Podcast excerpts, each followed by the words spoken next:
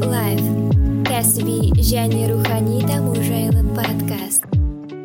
Құрметті достар бізде бүгін қонақта асхат ахметжанов біздің бауырымыз ә, америкада істейді. Бізге анау америкадан сан франциско қаласынан хабарласып отыр. Асхат қош келдің. Ам рахмет тарықбек иә ам айта кеткендей менің атым асхат ахметжанов. Иә мен қазір америкада а сан францисконың қасында фримонт деген қалашықтан қосылып отырмын. Ол кішкентай бір қалашық сияқты ғой да? Иә иә. Жалпы бұл ә, силикон ә, силикон алқабы деп атайды ғой бұны. Бұл силиконовая долинада негізі сан франциско тұр негізі ең ошағы сосын сан францисконың маңында одан оңтүстігі және ә, шығыс жақтарында кішкентай кішкентай қалашықтардың шоғыры соны силикон алқабы деп атайды. Сол ә, кішкентай қалашықтардың бірі фримонт деп аталады өзі. Ә, мен қазір сонда тұрып жатырмын. Асеке енді сенің бір өте тарап кеткен интервьюң бар екен. Ньюста иә иә. Төрт жыл бұрын бес жыл бұрын жазылыпты. Аха. сол кезде сен ә, фейсбукта істеген бір қазақ дейтін ретінде танымал болыпсың да. Иә иә иә. Соған байланысты бір екі сұрақ қойсақ. Иә, иә, жалпы әрине. фейсбукты неге таңдадың? Неге мысалы басқа фейсбук емес компания ретінде фейсбук саған қызық болды? А ол ол енді сұрақ кішкене оған жауап беру оңай негізі. Менде соншама сондай керемет таңдау болған жоқ алдында. А, мен негізі осы шетелдегі ең бір а, атақты компаниялардың бірінде істегім келді. А, и және де а, гуглға тапсырдым амазонға тапсырдым майкрософт бәріне тапсырдым. Бірақ та тек қана google мен фейсбукқа ғана ам, жаңағы собеседование алдым. А, интервью интервьюға мүмкіндік алдым. Мхм. А, өкінішке орай а, гуглға өту өттім. Бірақ та а, хосматчин деген бір а, фазасы бар. Хосматчинда а, саған бір интервьюдан кейін команда табу керек. Маған сол бір, бір ай где то сол ам, шамамен бір айдай хосматчинда болдым да содан кейін а, команда таба алмады. Сол солай ам, гугл қалды Ам, содан кейін ам, фейсбуктан хабарласты әйтеуір. Хабарласты дегенде мен оған негізі көп рет подавать еткенмін негізі оның алдында. И фейсбуктан содан кейін рекрутер ам, бір рекрутер хабарласып әйтеуір сәті келіп интервью алдым да содан кейін өтіп кеттім. Содан кейін ол, ол жұмыс ам, неме офер келген кезде мен уже ойланған жоқпын даже. Сразу қабылдадым да сосын осы жаққа келдім. Барлық компания тапсырып соның ішінде фейсбук алды дейсің ғой? Иә иә солай ғой примерно. Иә қалғандары даже интервью тұрмақ даже отказбен а, отказ да берген жоқ.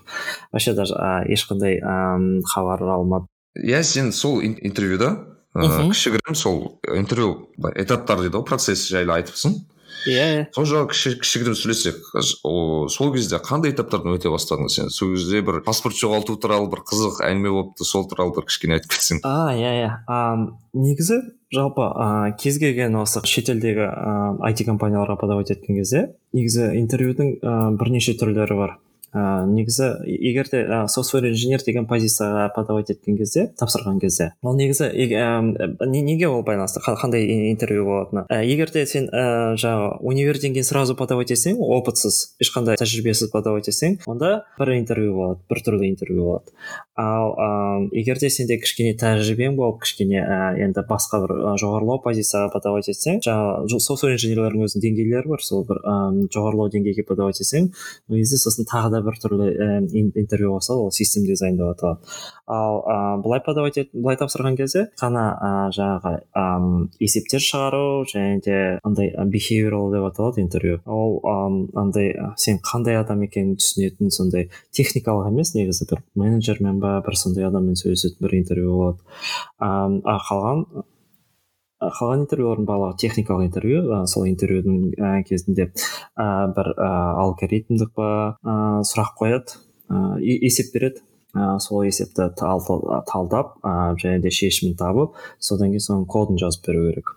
Ә, бәрін түсіндіріп е, және де сен кодың таза болу керек және де ол істеп тұру керек. Ә, сондай интервьюлар ә, жаңағы кодинг интервью деп атайды оны. Сол ә, универден мен ә, ә, тапсырған кезде менде ешқандай ә, тәжірибе болған жоқ. Содан кейін мен ә, менде тек қана жаңағы есеп шығаратын жаңағы кодинг интервьюлар болды. Фейсбукта менде төрт сондай кодинг интервью болды және де бір ыыы бихевиорал интервью болды. Ал гуглға тапсырған кезде гуглда да солай болды ғой төрт интервью ыыы бір бихевиорал интервью болды иә бұл ыыы негізі бұл фейсбукқа подавать еткен деген бұл негізі ыыы бұл қызық және ұзақ әңгіме былай кішкене ыыы қысқашалап айтып кетсе айтып кетсем болады бұл негізі былай ғой былай болған мен фейсбукқа әрбір сайтқа негізі қалаған адам бір техникалық компанияға подавать еткісі келсе ол негізі олардың сайтына барады мысалға facebook ком немесе google.com содан кейін слэш қоясың да карьерс десең всегда ол әрбір сайт әрбір техникалық компанияның слэш карьерс деген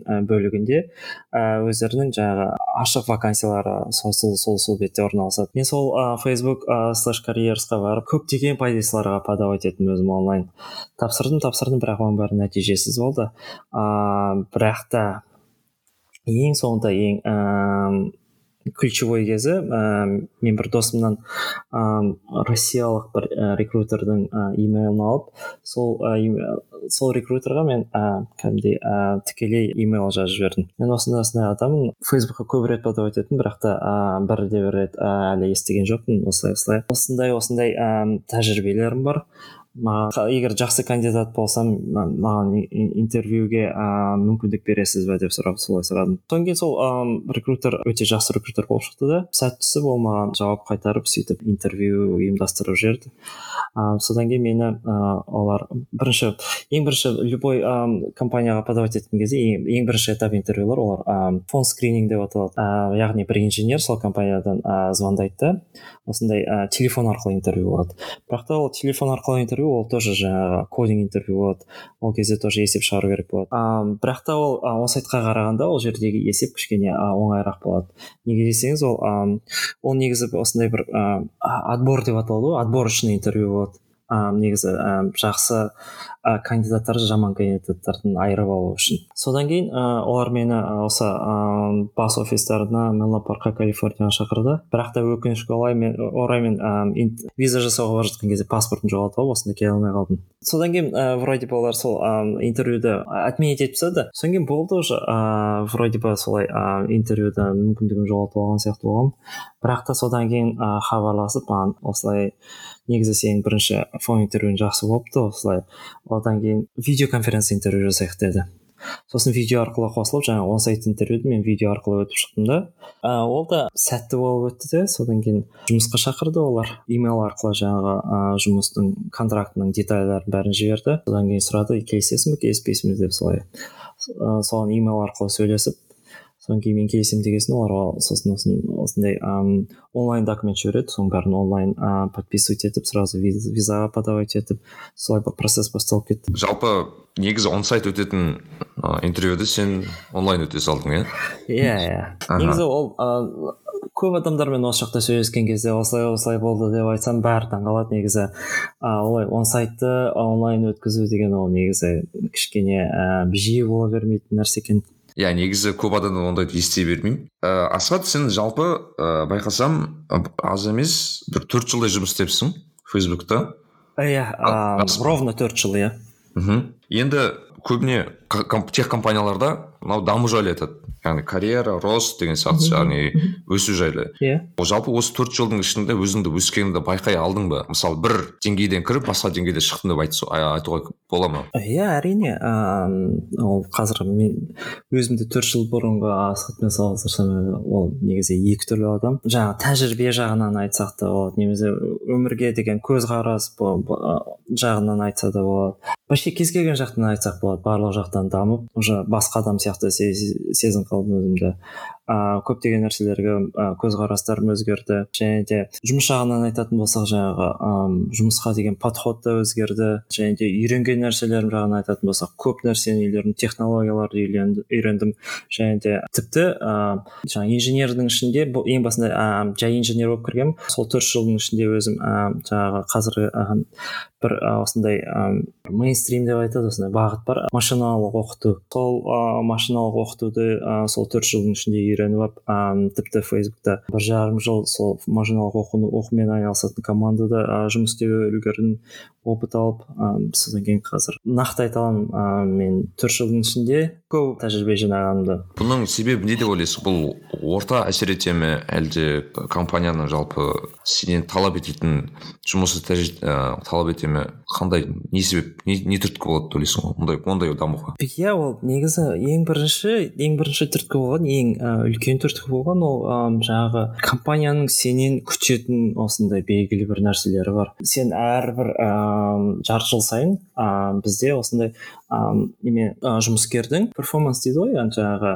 белсенділігі ма қалай айтсам екен ә, қалай жақсы жұмыс істеп жатыр ма жаман жұмыс істеп жатыр ма екенін тексереді әрбір әрбір ә, жарты жыл сайын. Сол жарты жыл сайын ә, әрбір ә, жаңағы жұмысшыға өзінің өзінің бір белгілі бір ә, содан ә, күтілетін ә, осындай бір нәрселер бар. мысалға ең басында келген кезде сен күтеді сен жарты жылдың ішінде сен ә, барлық нәрсені жаңағы технологиялардың бәрін үйреніп алып өзіңнен өзің ешкімнің көмегінсіз ә, жаңағы ә, кодта өзің ә, бәрін ә, түсініп ә, жаңа келген тапсырмалардың бәрін өзің тәуелсіз жұмыс істей алатындай ә, соны күтеді. Егер де сол шартқа жететін болсаң онда келесі жарты жылда басқа шарттар қойылады саған сен енді сенен осындай осындай нәрселер күтіледі деген сияқты. Өзің бір проекттерде бір өзің үлес қосуың керек деген сияқты. Осындай осындай сен жарты жыл сайын осындай ә, көптеген талаптар қойыла береді қойыла береді. Олар күрделі бола береді күрделі жыл өткен сайын олар күрделі күрделі. Және де деңгейің өскен сайын олар одан да күрделі болады.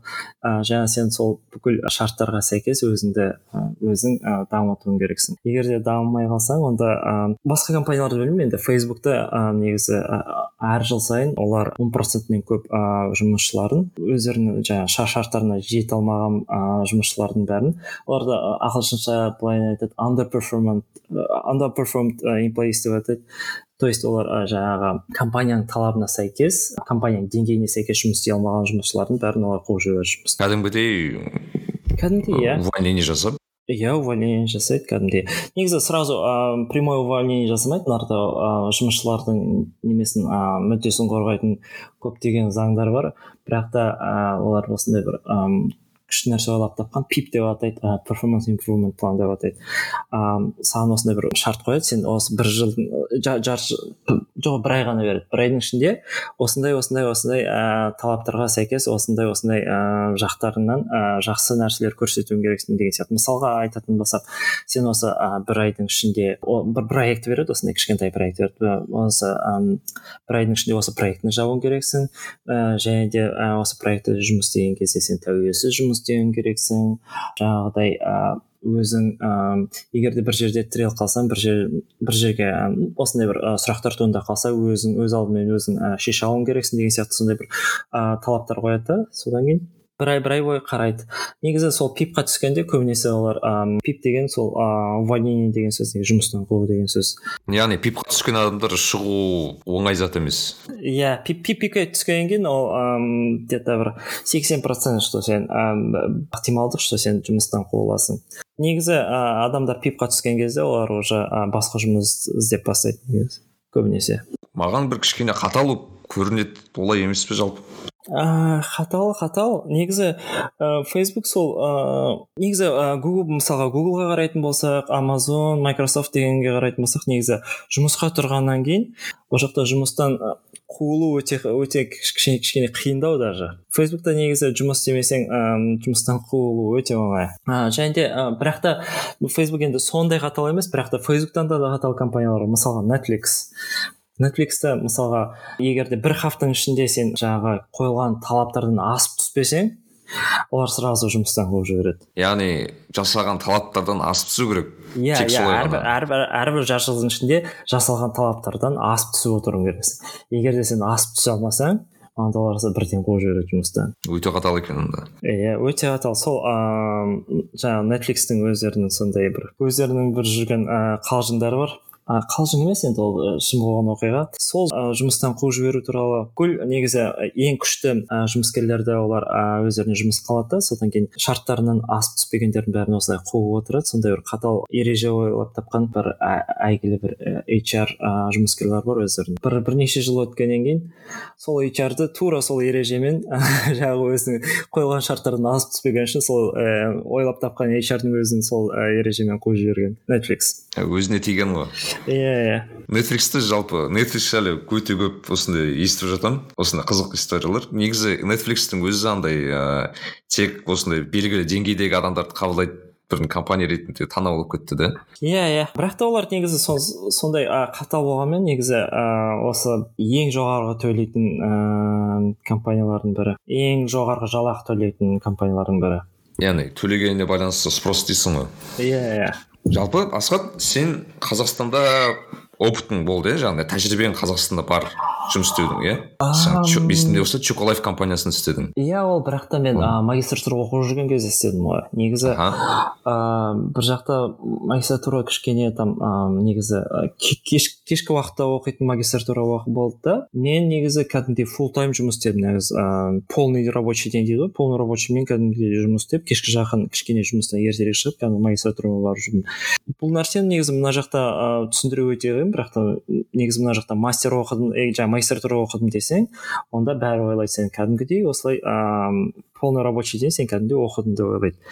Және де жаңағы жұмысың жазылған жұмысың сен магистратура оқып жүргенмен бірге сәйкес келетін болса ол онда а, жұмысың парт тайм болып қалады. Парт тайм жұмыс болып есептеледі де ал магистратураң фулл тайм болады. Сондықтан жаңағы мен ә, алған ыыы тәжірибем негізі бұл жақта есептелмейді. Сондықтан мен ә, негізі фейсбук менің бірінші жұмысым деп айтамын қазақстандағы ол американдықтар үшін бір парт тайм жұмыс қана? Жоқ жоқ жоқ ол қазақстанда бол- болған үшін емес ол жаңағы магистратурамен сәйкес болып қалған үшін. Е соны түсініп отырмын яғни иә олар просто университет кезіндегі кешкі жақын магистратура деген ыыы әңгіме түсіне қоймайды. Бұл жақта оқу деген ол значит ол оқу деген сөз. Мен де соны ә, айтып жатамын мен мен де сол бакалаврдың кезінде жұмыс істей бастадым. Сол сол кезден бастап опыт есептесем бұлар айтады ол дұрыс емес деген сияқты немесе иә ал былай негізі қарайтын болсақ иә мен чоколайфта бір жыл бір жылдай жұмыс істедім иә жалпы сен соның опытың бар болғандықтан шығар салыстыра аласың ба? Салыстыруға келе ме жалпы қазақстандағы бір жұмыс істеу үрдісімен? Сен кейін америкаға көшкен кездегі осы фейсбуктағы үрдістер қаншалықты қатты айырмашылық сездің сен кезінде? Шынымды айтсам салыстыру өте қиын. Себебі ам, процесс басқа да жаңағы сен жаңағы сен перформансыңды қалай бағалайды бұл жақта ә, қазақстанда қалай бағалайды ба бүкіл басқа болады да жаңағы қойылатын талаптардың бәрі ә, басқаша болады да. Сондықтан қазақстанда примерно осылай бір а, орта деңгейде жұмыс істеп жүрсең болады да. Енді сен жаңағы өзіңнің белгіленген сол неме жалақыңды алып жүре бересің ондай ондай ешкім сені солай орысша айтқанда гонять етпейді дейді ғой. Осылай сені ешкім осылай алдыға итермелемейді осылай ә, сен кө- көбірек күтеміз сен осылай істеуің керексің деп ешқандай ешкім осылай алды, алдыға итермелемейді бірақ та мына жақта кішкене сол қиын емес енді а, қалай айтсам екен а, просто кішкене ең басында үйренуге кішкене қиындау болған сияқты. Әрине мына жақтағы ыыы жұмыс ы, қазақстандікіне қарағанда қиынырақ болды.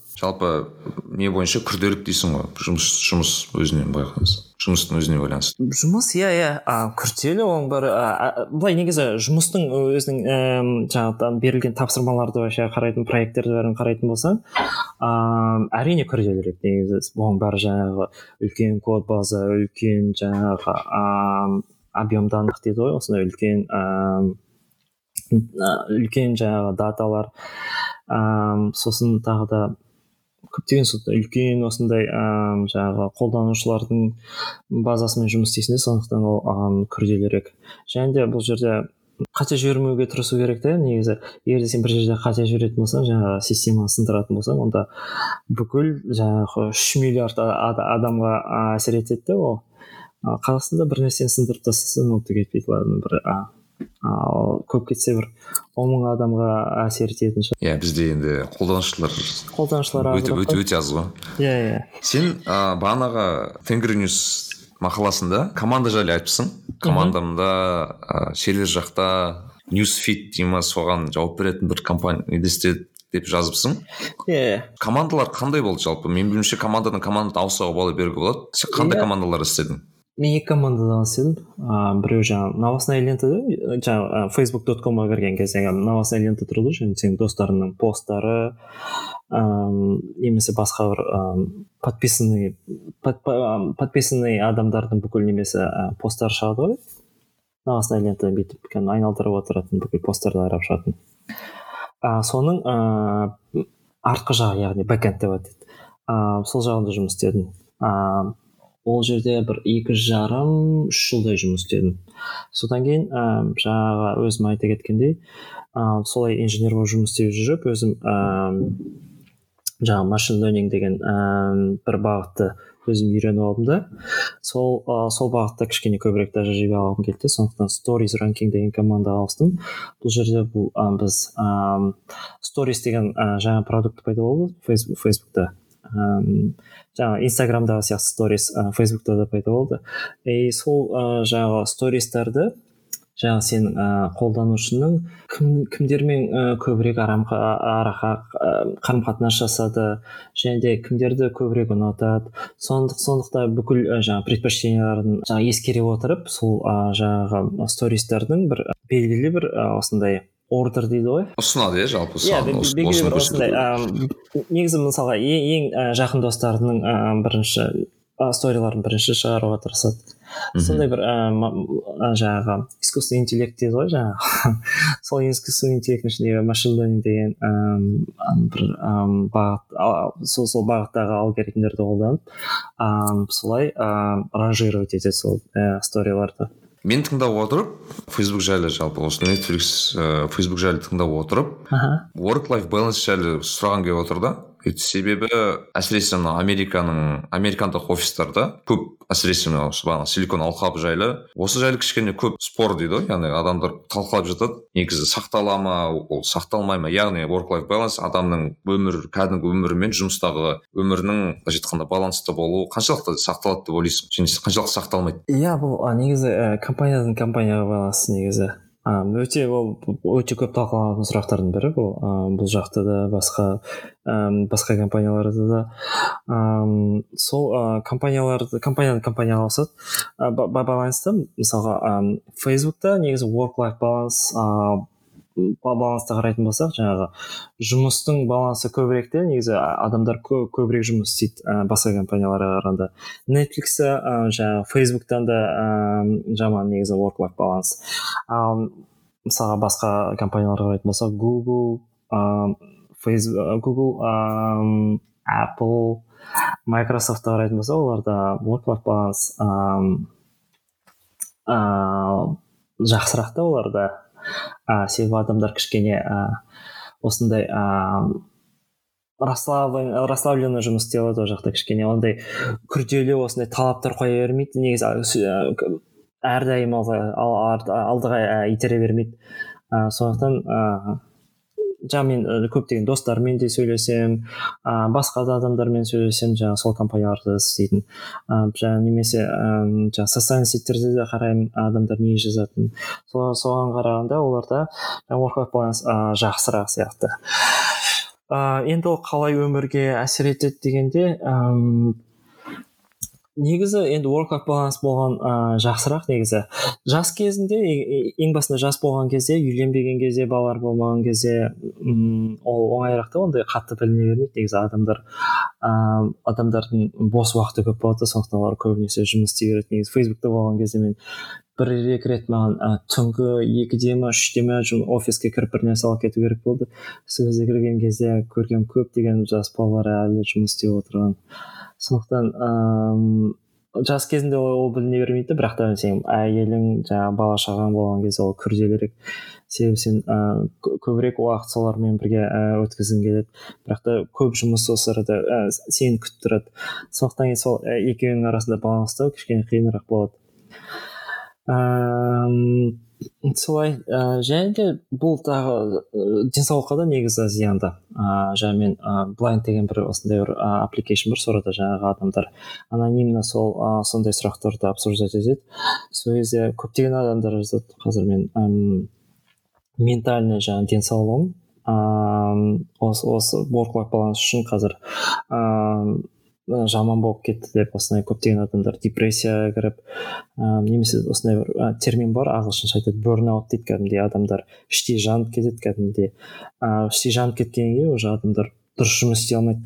Бір рет осылай іштей жандың ба ыыы сол сол моменттен бастап ыыы өмірің өмірдің соңына дейін емес шығар енді. Ә, хотя бы бір бірнеше жылға солай ә, дұрыс жұмыс істей алмай кәдімгідей кәдімгідей адамдар депрессияға кіріп осылай әсер сезінеді ғой адам. Әсер сезінеді иә ол негізі негізі білмейді екен ол, ол туралы негізі көп ә, айта бермейді де ә, ол ну оны адамдар көп ескере бермейді негізі.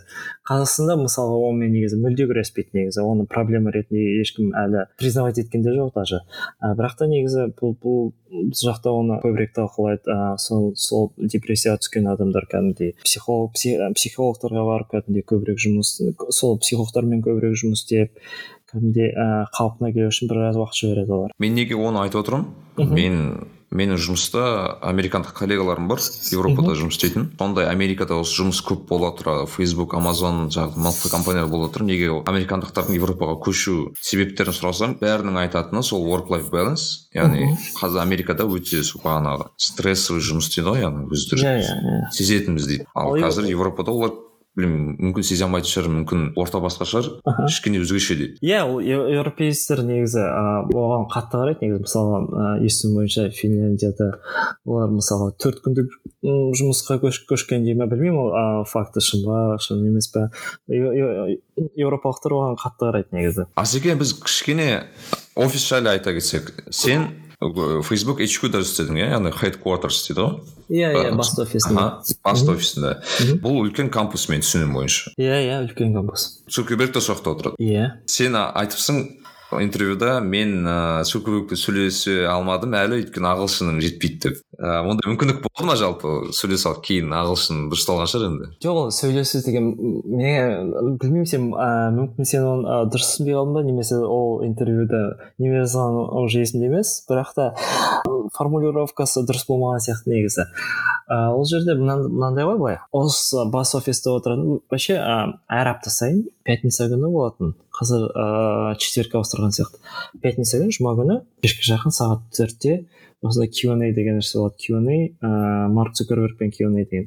Q&A деген жаңағы сұрақ жауап деген сөз ғой. Иә questions and answers сол ыыы Q&A-да кәдімгі ыыы цукерберг жаңағы ең басында бір жарты сағат ыыы жаңағы компанияда қандай жаңалықтар болып жатыр компания қайда ә, қай бағытта қозғалып бара жатқанын ыыы жаңағы қандай ыыы қандай жаңа болған сияқты сол жаңа қандай не не бағыттар немесе жаңалықтар. Бағыттар жаңалықтар ыыы сондықтан бір сол осындай бір ыыы обсуждать етуге туралы бір нәрселерді туралы айтып береді де.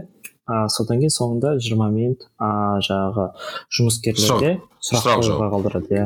Сол кезде кәдімгі осындай ыыы екі жақта екі микрофон тұрады осылай. Жаңағы отырған адамдар бүйтіп кәдімгідей сұрақ осындай кәдімгідей кезекке тұрады микрофонның қасында жаңағы квн бар ғой ыыы триатлон триатлон ба? Жоқ иә иә сұрақ жауап қояды зал сұрақ қоятындар зал сұрақ қойған кезде осылай микрофонның артына бүйтіп осылай кезекке тұра қалады ғой тізеді тура солай жаңағы жұмыскерлер де тұра қалады да содан кейін олар өздерінің сұрақтарын қояды. Көбінесе ол сен енді бет алды сұрақтар қоя алмайсың ората негізі ол ыыы жаңағы компанияның бағыты жайлы сосын бізде бізде осындай осындай бір ситуациялар болып жатыр. Осы кезде ә, қалай істейміз деген сияқты сондай кәдімгі жұмысқа байланысты сұрақтар қоюың керексің да и сол кезде ә, жұмысқа байланысты немесе осындай мен көрген бір бір екі адамдар допустим ә, жаңағы ыыы египеттен болды ма сондай бір мұсылманский елдерден жаңағы ыыы сол кезде бір ыыы сша сша сол елдерге сол бан қойып жатты ма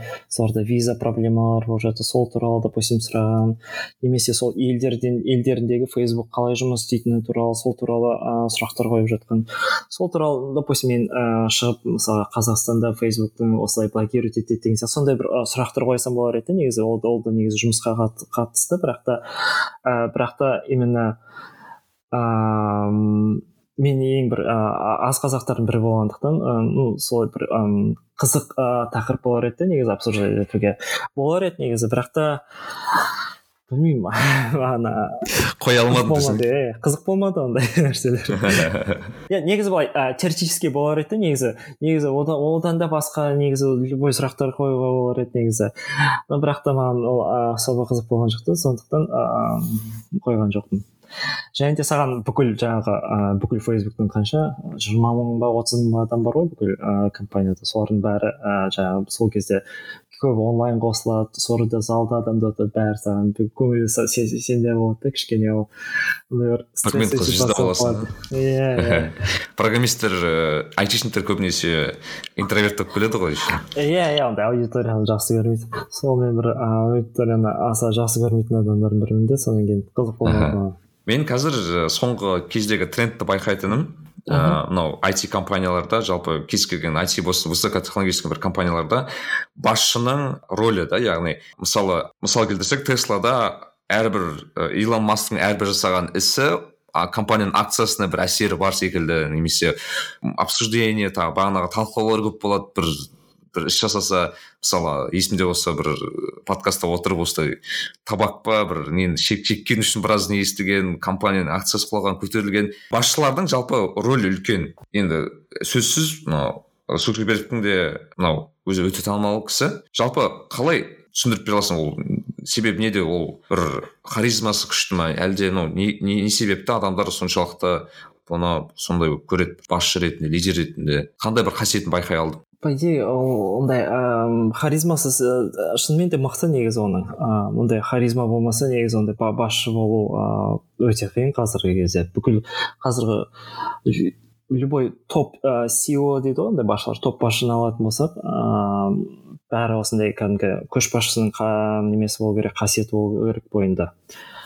Сол ыыы менің ойымша ыыы негізі ыыы каждый раз вот жаңағы кюнеге қатысасың ғой сол кезде ол туралы негізі мен оның ондай ыыы сондай лидер ретінде сондай енді жақсы лидер ретінде ә, қасиеттерін аса біле бермейтін негізі. Бірақ та бір кионеге қатысқан кезде жаңағы айт, айттым ғой ә, жаңағы компанияның бағыты жайлы андай мындай ә, жаңалықтар айтады деген кезде. Сол кезде айтқан кезде жаңағы сұрақтарға жауап берген кезде кәдімгі харизмасы байқалып тұрады негізі. Каждый жаңағы сөйлеген сөзі кәдімгідей адамға осындай ыыы инспирейшн дейді ғой мотивация. Мотивация кәдімгідей бар ғой. Сол кюнеден шыққан кезде прямо прямо жұмыс істейін деп бүкіл тұрған жұмыстың бәрін істеп тастаған келіп солай бір мотивационный мотивированный болып шығасың жаңағы сондай кәдімгідей әрбір сөйлеген сөз сондай вдохновляющий болады да. Жаңағы ол жаңағы паблик спикинг дейді ғой сондай өзінің ііі публиканың алдында сөйлеу аудиторияның алдында сөйлей алу қабілеті бар. Ыыы және де оған қоса өте ақылды адам негізі кез келген сұраққа жауап бере алады. Жаңағы компания сондай үлкен соншама ә, көп көп ә, жаңалықтар болып жатыр. Бәрін біліп отырады. Ә, әрқашан бәрін біліп отырады кәдімгідей. Ә, любой проблеманы көтерсең көтерсең оған уже жауабы дайын тұрады да. Кей кезде бере алмай қалады. Ыыы бір кішкене өте осындай ыыы узкий жерлерге кетіп қалған кезде ол кәдімгі өзіне көмек шақырып алады көмектесетін адамдар бар соған жауап беруге. Бірақ та ыыы бүкіл сондай үлкен компанияда бүкіл болып жатқан нәрселердің бәрін біліп отырады да бәріне сұрақтарға жауап беріп отырады. Негізі көрініп тұрады да сондай жай адам емес екен сондай өте ақылды адам екен. Ыыы ал негізі ал фейсбуктың сыртында ол неге ә, сондай ә, популярный екені? Менің ойымша ол онша популярды болмады бірақ та мына кинодан социальный сеть деген кино шықты ғой. Кинотеатрда екі мың он екіде шықты ғой деймін. Ыыы содан кейін ол сондай популярный болып кеткен сияқты. Иә ол фильмді өте маған бір ә, кішкене басқаша болып көрініп еді оған дейін. Негізі фильмдегі цукерберг кішкене басқа сияқты маған иә иә ол слишком өзі да ол туралы мен кішкене андай голливудский бір иә иә история болып кетті деп иә иә ондай солай интригалар қоспаса фильм қызықсыз болып қалатын сияқты содан кейін қосқан сияқты. Иә ол бір, бір екі рет сол ә, марктың сол туралы ә, айтқан жерін естігемін ә, актер актер маған өте ұқсайды екен деп айтқан бірақ та ә, көп жерлері өтірік болып кеткен. Бірақ та в основном бүкіл историяны жақсы шығарған деп солай баға берген. Жақында мынау netflix кембридж аналитика деген компания жайлы бөлек үлкен документалдық шығарды. Соның ішінде фейсбуктың жалпы цукербергтің осы талқылаулары бұл неге даналар сатылады тағы да басқа. Яғни талқылайтын әрине мәселе көп бірақ бұл мысалы ситуация байқасам фейсбуктың былайша авторитетіне кішкене урон тигізген секілді бұл көрінді маған жалпы. Даже акциялар құлаған құлағандай болды. Нақты сол деректі фильм ба? Жоқ жалпы осы скандалдың өзін айтамын. А скандал а кішкене құлаған жоқ негізі? Бірсыпыра құлады ма? Иә иә. Мысалға бір отыз процентке дейін құлады ғой деймін отыз екі негізі бұл өте үлкен цифра негізі. өте үлкен цифра иә бұл негізі ыыы миллиардтармен бұл компанияның состояниесі миллиард болғандықтан бұл уже миллиардтап кетті ақшалар. Ақшалардың солай құлады иә. Кішкене адамдарда бір қорқыныш пайда болады ма? Жалпы жұмыс істейтін адамдарда бұл не болып кетті. Біз негізі дұрыс компания істейтін сияқты едік. Біз осындай бір жаман заттарға да бір кішкене қатысымыз бар екен деген секілді ондай болды ма? Кішкене адамдарда бір сұрақ па әлде? Иә ол әрине болады ғой. Ыыы сұрақтар болады. Ыыы бәрін бүкіл сол көкейінде жүрген бүкіл сұрақтардың бәрін жаңағы да қоя алады. Иә сол кезде бәрін түсіндіріп бүкіл ыыы бір жақсы бұл ыыы жаңағы қазақстандағы сияқты емес те ол қазақстанда болса ол примерно осылай айтар сендер сендердің қатыстарыңыз жоқ бұндай сұрақтарға? сендер ауызда сендер жұмыстарың тек қана код жазу деген сияқты примерно солай айтар еді. А бұл жақта ол бәрі басқа ол кәдімгідей ііі жұмыскер жұмыскерлерге бүкіл ыыы жаңағы болған ситуацияның бәрін түсіндіріп қалай болған не үшін ашық бәрін жеткізеді иә иә иә. Бұл ә, кәдімгідей ашық талқыланып бір рет емес ол бірнеше рет бірнеше ай бойы талқыланған нәрсе. Менде лично ыыы бір екі сұрақтарым ыыы былай болған сияқты бірақ та ол сұрақтардың бәрі талқыланды. Енді менде ондай ондай негативті отношение болған жоқ компанияға. Бірақ кейін ыыы уақыт келе бәрі дұрысталып как да орнына келіп компания былай өсіп жатыр иә? Ыыы орнына әлі келіп үлгерген жоқ бірақ та енді сол бағытта келе жатыр иә. Адамдарым кішкене ұмытқан сияқты. Бірақ жалпы компанияның авторитеті деген өте қымбат зат екені байқалады содан иә? Яғни иә иә бір құласа көтеру оңай емес. Иә бұл жерде еще жаңағы жаңағы сми деп айтады ғой. Бұқара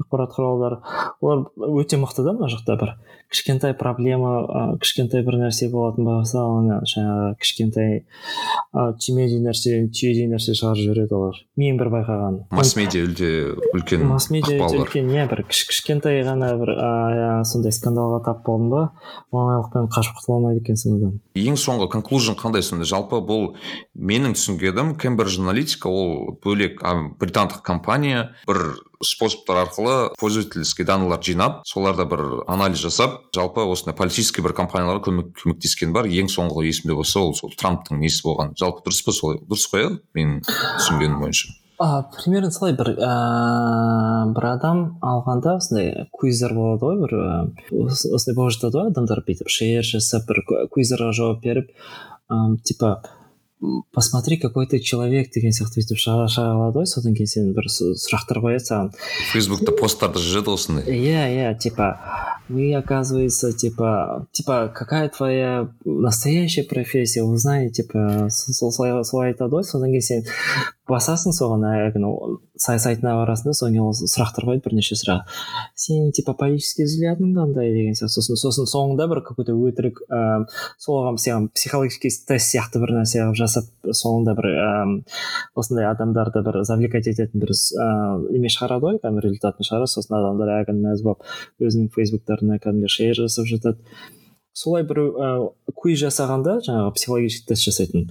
Сөйтіп адамдардың жаңағы данныйлар жинап алған жинап алғаннан кейін жаңағы адамдардың бүкіл ә, фейсбук аккаунттарын біледі ыыы жаңағы солардың вкус предпочтенияларын примерно біліп алған психологический нәрселердің бәрін. Ә, содан кейін сол данныйларды алғанда біреулерге сатқан ол жаңағы бір александр коган деген кембридж аналитика шығарған адам. Ең есімде лайк есімде дұрыс болса сол алғанда сол жаңағы данныйларды алып соларға ыыы соларды кәдімгідей қарастырып соларға бір алгоритм ойлап шығарғанда сол қандай жаңағы адамдарға жаңағы таргетировать етеді осы адамдарға осындай реклама жіберсең осындай ә, әсер беру керек деген сияқты. Сөйтіп ол полит, ә, жаңағы политикаға қолданғанда сол жаңағы данныйлардың бәрін и сол жаңағы трамптың немесі сайлау кезінде ыыы соны қолданды қолданды деп айтады сол ғой бүкіл скандалдың көзі. Өте мұқият болу керек екен негізі дейсің ғой негізі ана сондай иә иә толтыра сол. да иә бүкіл сол ыыы фейсбукқа жаңағы тағылып тұрған кінә сол ыыы жаңағы жаңағы адамдарға сол сол жаңағы данныйларын беріп сол ыыы жаңағы квизді квизді алуға кәдімгі разрешение берген үшін ғой сол менің есімде болса осы скандалдан кейін европада GDPR қолдана басталды данный data protection деген сияқты өте Иә, өте иә, көп. иә. А- америкада әлі күнге дейін проблема бар секілді иә? Сол сол сол жағынан. Себебі мысалы мына европада Иә. байқауымша компания өте қорқады осындай скандалдардан ол әлі кәдім жүз процент шешілген жоқ ыыы бірақ та жаңағы мына тестимония деген нәрсе болған осылай кәдімгі цукерберг жаңағы сенаттың алдында выступать еткен кәдімгідей отырғызып қойып әрбір штаттың немесе ә, сенаторлары бір кәдімгідей анау тер- тергеу сияқты болды ғой тергеу сияқты болды иә кәдімгі сұрақтар қойып ыыы жаңағыдай осындай осындай проблема бар екен фейсбукта. Сіз оны соны короче ыыы дұрыстауға ыыы уәде бересіз ба жоқ па деп кәдімгідей солай анықталып тұрып ы солай тергеу жасаған сол ы сол ғана болды а так ыыы асеке енді сен қазақтар аз деп айттың иә бағана? Иә иә. Фейсбукта. Әсіресе мына фейсбуктағы мынау американдық офисінде америкадағы офис. Иә. Бірақ та сол кезде аз болды. Қазір баяғы бірталай бірсыпыра қазақтар жиналып қалды. Қанша шамамен қазақ істейді негізі ол фейсбукта? Қанша шамамен бір өздері бір араласып кішкене бір комьюнити сияқты болды ма жалпы иә қазақ деген енді дұрыс ыыы термин емес сияқты. Бұл жерде қазақстандықтар деп айтсақ ы, иә мен өзім қазақтар деп орыс барлық ұлттарды айта беремін просто өзім. Иә иә иә. Сол ы, сол қазақстандықтардан бір ыыы бүкіл фейсбукты жаңағы лондон офис бүкіл офистерден ы, алған кезде менің ойымша где то бір он екі ма он үш па адам жиналып қалатын сияқты. Он бес па? иә иә. Сол он екі мен он бестің арасында ғой деймін. Ондай мен ойлағандай көп емес екен. Иә иә. Жо- ы, мысалға гуглда мысалға жүздің шамасында шығар қазақтар. Ыыы бізде где то бір он бес ары кетсе бір жиырма мен кеткеннен кейін бір ыыы может тағы бір төртеу бесеу қосылған шығар. Бір жиырма шамасында иә иә ондай көп емес. Ол не, не себеп неге адамдар көбіне неге гуглға барып фейсбукқа бармайды? Ойлайсың интервью өте алмайтын шығар енді. Ну интервью кішкене негізі қазір ы, менің бір ы, байқағаным бойынша ы, гуглдың немесі немесі талаптары бар жаңағы жаңа жұмысқа тұрушыларға талаптары кішкене ы, түсіп қалған сияқты. Ы, фейсбукта жоғарырақ сияқты жаңағы талаптар сондықтан жаңағы собеседование өту гуглда ы, оңайырақ болып қалған сияқты негізі ы, соңғы жылдары. Иә бәрі интервьюға байланысты иә. Иә бәрі интервьюға байланысты. Сон ы, және де ыыы жаңағы work life balance ы, бір себеп болуы мүмкін жаңағы жаңа айтып кеткендей ыыы фейсбуктегі work life balance гуглға қарағанда жаманырақ деген сияқты. Гуглда істеген фейсбукта істеген бір кісінің интервьюынан түсінгенім яғни Google сияқты ірі компаниялар сенің дамуыңа өте қатты атсалысу керек атсалысады негізі. Сен бір бағана сен айтпақшы H1 әрбір жарты жыл сайын саған белгілі бір деңгейіңе байланысты нелер беріп сен дамытып иә ал, мысалы айтайық бір бағана стартаптар немесе одан кішірек компаниялар айтса ондай аса қатты мән бере бермейді иә? Иә негізі стартаптарда негізі ол былай ғой ол жаңағы осындай осындай жұмыстар бар сол жұмысты іс- істедің ба істемедің ба соған ғана байланысты. Біздің қазақстандағы жұмысқа байланысты Иә, иә. Иә ол мысалға осындай стартап стартапта ыыы, мысалға осындай бір осындай функционалдар енгізілу керек соларды істедің ба істемедің ба деген сияқты ғой сол солай бағалайды. А мына жақта бүкіл жаңағы сен сен басқа адамдарға көмектестің ба компанияға жаңағы компанияға басқа сат, басқа жаңағы жұмыскерлерді жинауға көмектестің ба жаңағы интервью жасау арқылы немесе тағы да бір жерден біреулерге ментор болу арқылы соларға да қарайды. Сосын сен өзің ііі мысалға жаңа нәрселер үйре- үйреніп жатырсың ба деген сияқты. Сондай көп нәрселер бар негізі өзінің талаптары бар. Негізі төрт төрт бағытта қарайды оны.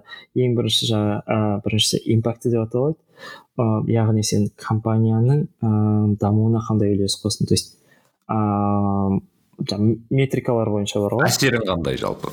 Иә иә. әсерің қандай? Екіншісі екіншісі қандай? Екіншісі пип people деп аталады. People деген жаңа сен ыыы біреулерге басқа адамдарға жаңа дамуына ыыы, үлес қостың ба жоқ па? Ыыы үшіншісі ыыы үшіншісі direction деп атайды. Ыыы жаңа сен ыыы бүкіл ыыы компанияның бар ғой. Қозғалатын бағытына немесе компанияның болмаса команданың бар қозғалатын бағытына үлес қостың ба жоқ па? То есть сен идеялар ыыы алып келіп жатсың ба жоқ па? Соған қарайды ыыы төртіншісі төртіншісі ол инжиниринг. Ол негізі инжиниринг ең і екінші түрі жаңағы импакттан кейін инжиниринг түрі инжиниринг деген жаңағы сен инженер ретінде сен қалай дамып жатырсың? Ыыы сен осындай көптеген қателер жасамайсың ба? Ыыы және де сен ыыы бірінші бір жерде қате жіберсең сол қатеңді екінші рет қайталайсың ба? Жаңағы сен кодыңның немесі сапасы қандай? Ә, тесттер жазасың ба? Деген сияқты бар ғой. Жаңағы кодыңның немесі ыыы объемы дейді ғой объемы қандай то есть слишком аз код жазып жатқан жоқсың соның бәріне қарайды негізі яғни бәрі ескеріледі. Иә иә.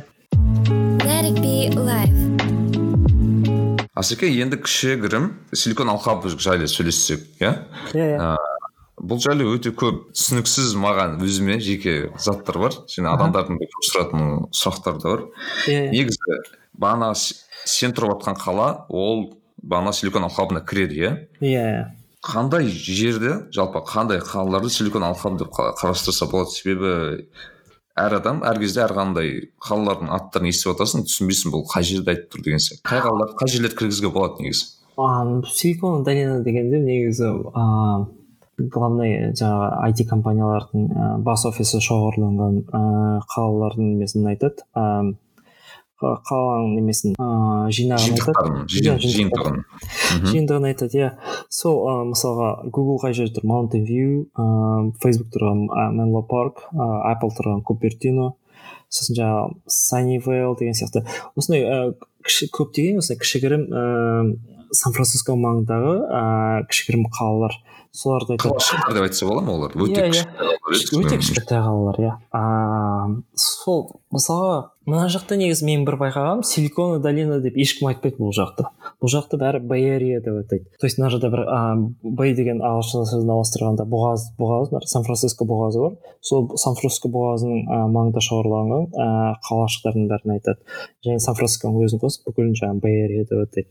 Мына жақта бәрі бірде біреуден естіп естімеппін допустим американың өзінде бар ғой допустим сен жаңағы лос анджелеске немесе басқа қалаларға барған кезде сен қай жақтасың деген кезде адамдар негізі осы допустим ыыы силикон долинадан келген адамдар бәрі I'm from Silicon Valley деп ешкім айтпайды негізі.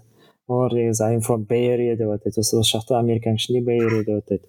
А бір байқағаным сол американың сыртында уже бұл жерді силикон долина деп атайды. Өздері силикон долина деп айта алмайды иә аса аса байқамаппын біз достарымыздың арасында бұны жаңағы баярия ғой орысша баярия деп атаймыз орысша а аясы. баярия дейміз иә иә осы баярияда жүрген адамдардың бәрін баярин деп атаймыз иә иә сол жаңағы франциско маңындағы кішкентай қалалар ғой мысалға оны егер былай көз алдыңа елестетін кезде мысалға сан францискода алматы сияқты. Жаңағы сан франциско алматының қасындағы кішкентай қалалар бар ғой жаңағы. Қаскелен талғар. Қаскелең талғар иә есік ә, сол есік пен жаңағы алматы мен талғардың арасында кішкентай кішкентай жаңағы ақбұлақ дей ма сондай сондай афат ма сондай кішкентай кішкентай қалалар қала дегенде ауылдар да бар ғой мына жақта ауылдың өзі сол қала сияқты болып көрінеді сол солардың бәрі короче жаңағы бүкіл сан францисконың алқабын қа- құрастырып тұрған сияқты. Мысалы оған байланысты сұрағым негізі айтып айтып жатады өте қымбат деп. Cost of life дейді ғой яғни Иә, иә. өмір сүру деңгейі жалпы өмір сүру қаншалықты қымбат екенін. Өте қымбат деп жатады Яғни иә. әлемдегі бірінші екінші орынды алатын қалалардың бірі. Қаншалықты қымбат ол бізбен салыстырған бізбен енді салыстыру келмейтін шығар жалпы әлемдік бойынша стандарт бойынша қаншалықты қымбат негізі бұл жер қымбат та қымбат. Бірақ та европаға қарайтын болсақ мысалы мына скандинавия жерлері жаңағы дания швециялар даже бұл жақтан да қымбат сияқты олар. Но америка канада бұл осы жақта жаңағы америка материгінде бұл ең қымбат а, а, жаңағы қала үш үштікке кіреді. Жаңағы нью йорк ванкувер ыыы және осы силикон алқабы осы үш жер сан франциско осы үш жер жаңағы бірінші екінші орында жыл сайын олар ауысып отырады орындары сол осы үштікке кіреді нью йорктың өзі бүкіл емес ол жаңағы именно манхэттен ғана кіреді да бұған сан францисконың өзі өте қымбат тұруға иә өзі өте қымбат иә иә мысалға там кіп кішкентай жаңағы кіп кішкентай пәтерлердің өзі там ыыы бағасы миллионнан асып мына жақта үй алу деген ол негізі өте қиын нәрсе. Үй сатып алмайды бәрі арендада ну сатып алатындар бар негізі енді. отыз жылға кредитқа сондай. Оңай іс емес. Оңай іс емес иә. Негізі мына жақта үйің болса сен өзіңді бір ыыы осындай состоявшийся дейді ғой осындай бір бір белгілі бір жетістікке жеткен адам ретінде санауға болады уже салық пен зарплата жағынан жаңа жалақы жағына келсек яғни сол өмірге байланысты төлене ме ол? Иә иә. Корреляция болады. Иә негізі ну егер де зарплата зарплата жақсы төленеді негізі бірақ та сол жақсы төленген сайын ә, бүкіл бүкіл нәрсенің бағасы солай көтеріле береді. Салық та өседі деген сияқты иә? Салық та өседі иә. Салық где то қырық процент қырық пен қырық бестің арасында ғой деймін егер қателеспесем бар ғой. Мхм. Өте жоғары салық мысалға саған қағазда жазылған кезде сенің зарплатаң сондай көп сияқты болып қалады. Мысалға күліп мысалға мәз болып қарайсың.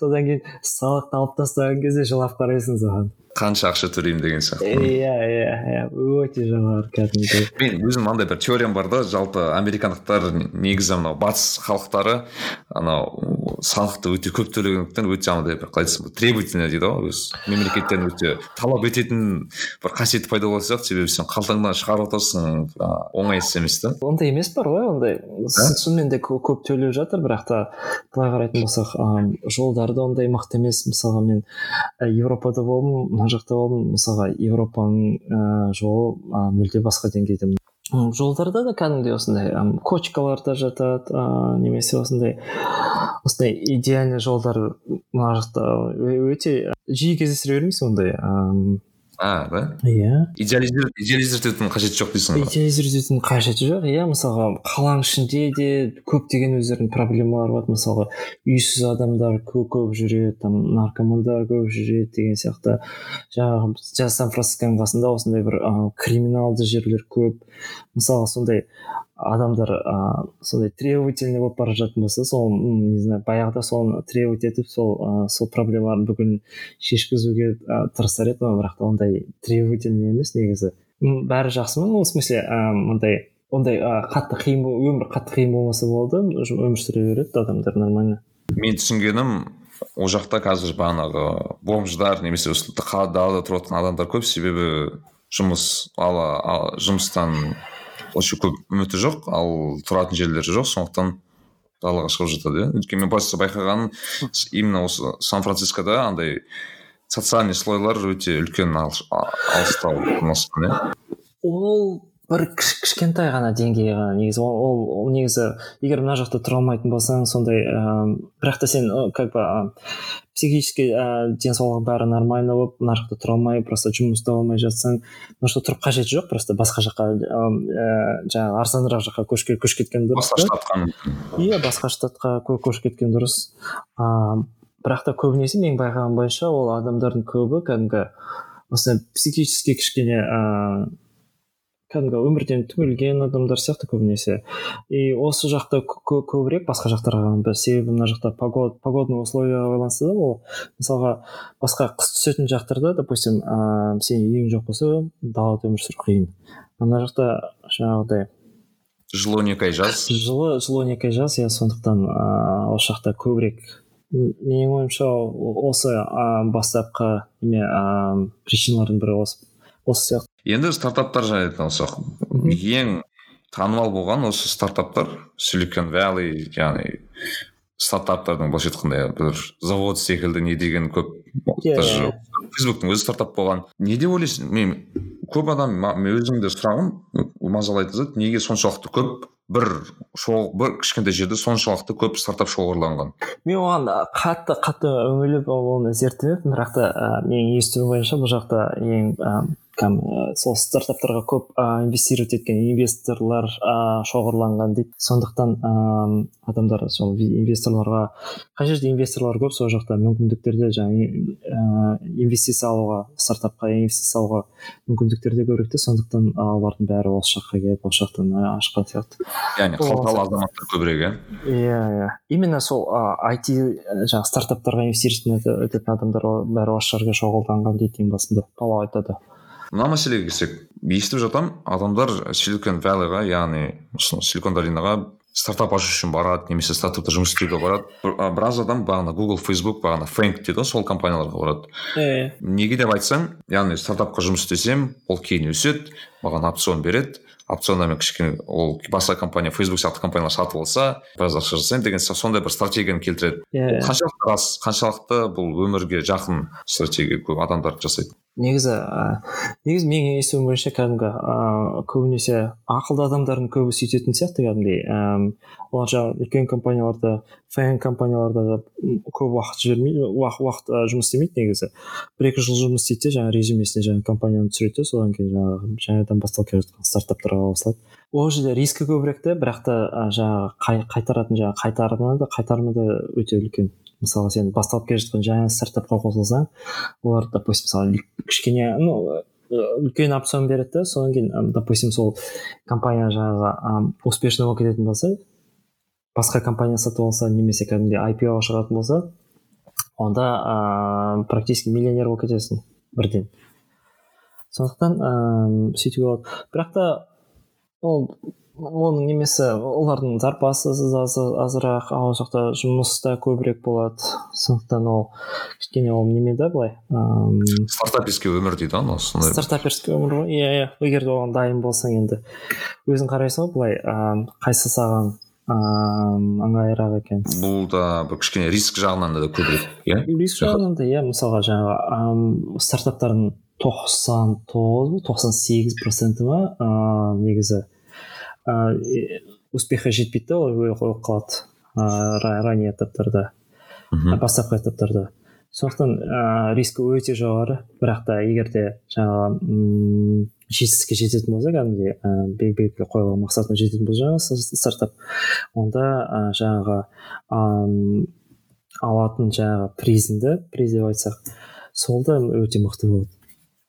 Сол ыыы орыста айтпақшы игра стоит свеч дейді көбінесе иә иә иә кто не рискует тот не пьет шампанского. Деп анау стартаптарға байланысты анау hbo ның сериал бар еді ғой силикон валли деп аталатын иә иә не бір мем емес енді бір кішкене бір өте көп осындай бір нелерді силикон валли жайлы осындай бір нелерді тундырды да осы иә иә көріп алып осындай екен ғой деген сияқты бұл адамдар жақта тұратын адамдар өздері соған көре ме? жалпы соған ну қандай отношение бар оған? Көреді иә ну в смысле кейбір адамдар естігенмін мен типа там бір бір жаңағы мысалы әзілдерін ә, соны талқылаған келген кезде сен осы силикон долинаны қарайсың ба дегенде көп адамдар несін не үшін қараймын мен силикон долинада тұрамын деп сөйтіп әзілдейді. Бірақ та иә көбінесе көріп бүкіл айтишниктардың бір сексен проценті көрген шығар бәрі біледі силикон валли десе ыыы иә бүкіл немесі жаңағы осы жақта өмірге сай бүкіл жаңағы стартаперский өмірге ііі өмірді тура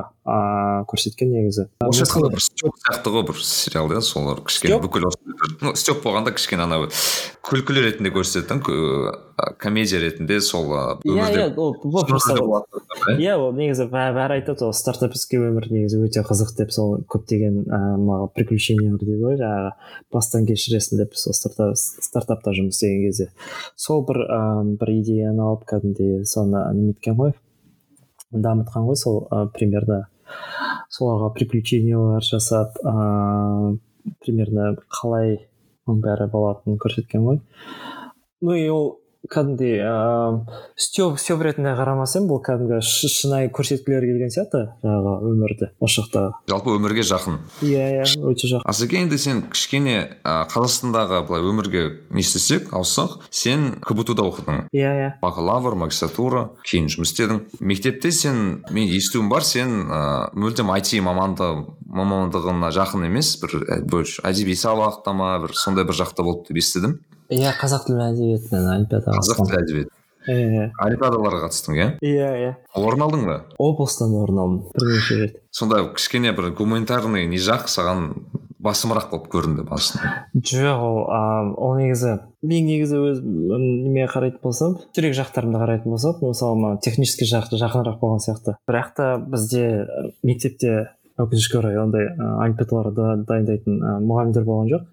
Мысалы біздің мектебімізде қай мектеп ол? Зерде деген зерде дарынды балаларға арналған деген мектеп екібастұз қаласында. Иә и біз біздің мектептің а, тарихында бірде бір рет адам а, республикалық емес облыстық олимпиададан а, технический предметтен орын алып көрмеген. Мен мен болған жыл кезде. И сондықтан ым, сол деңгейін көріп отырғандай ол мындай техни, технический сабақтардан дайындайтын мұғалімдер болған жоқ.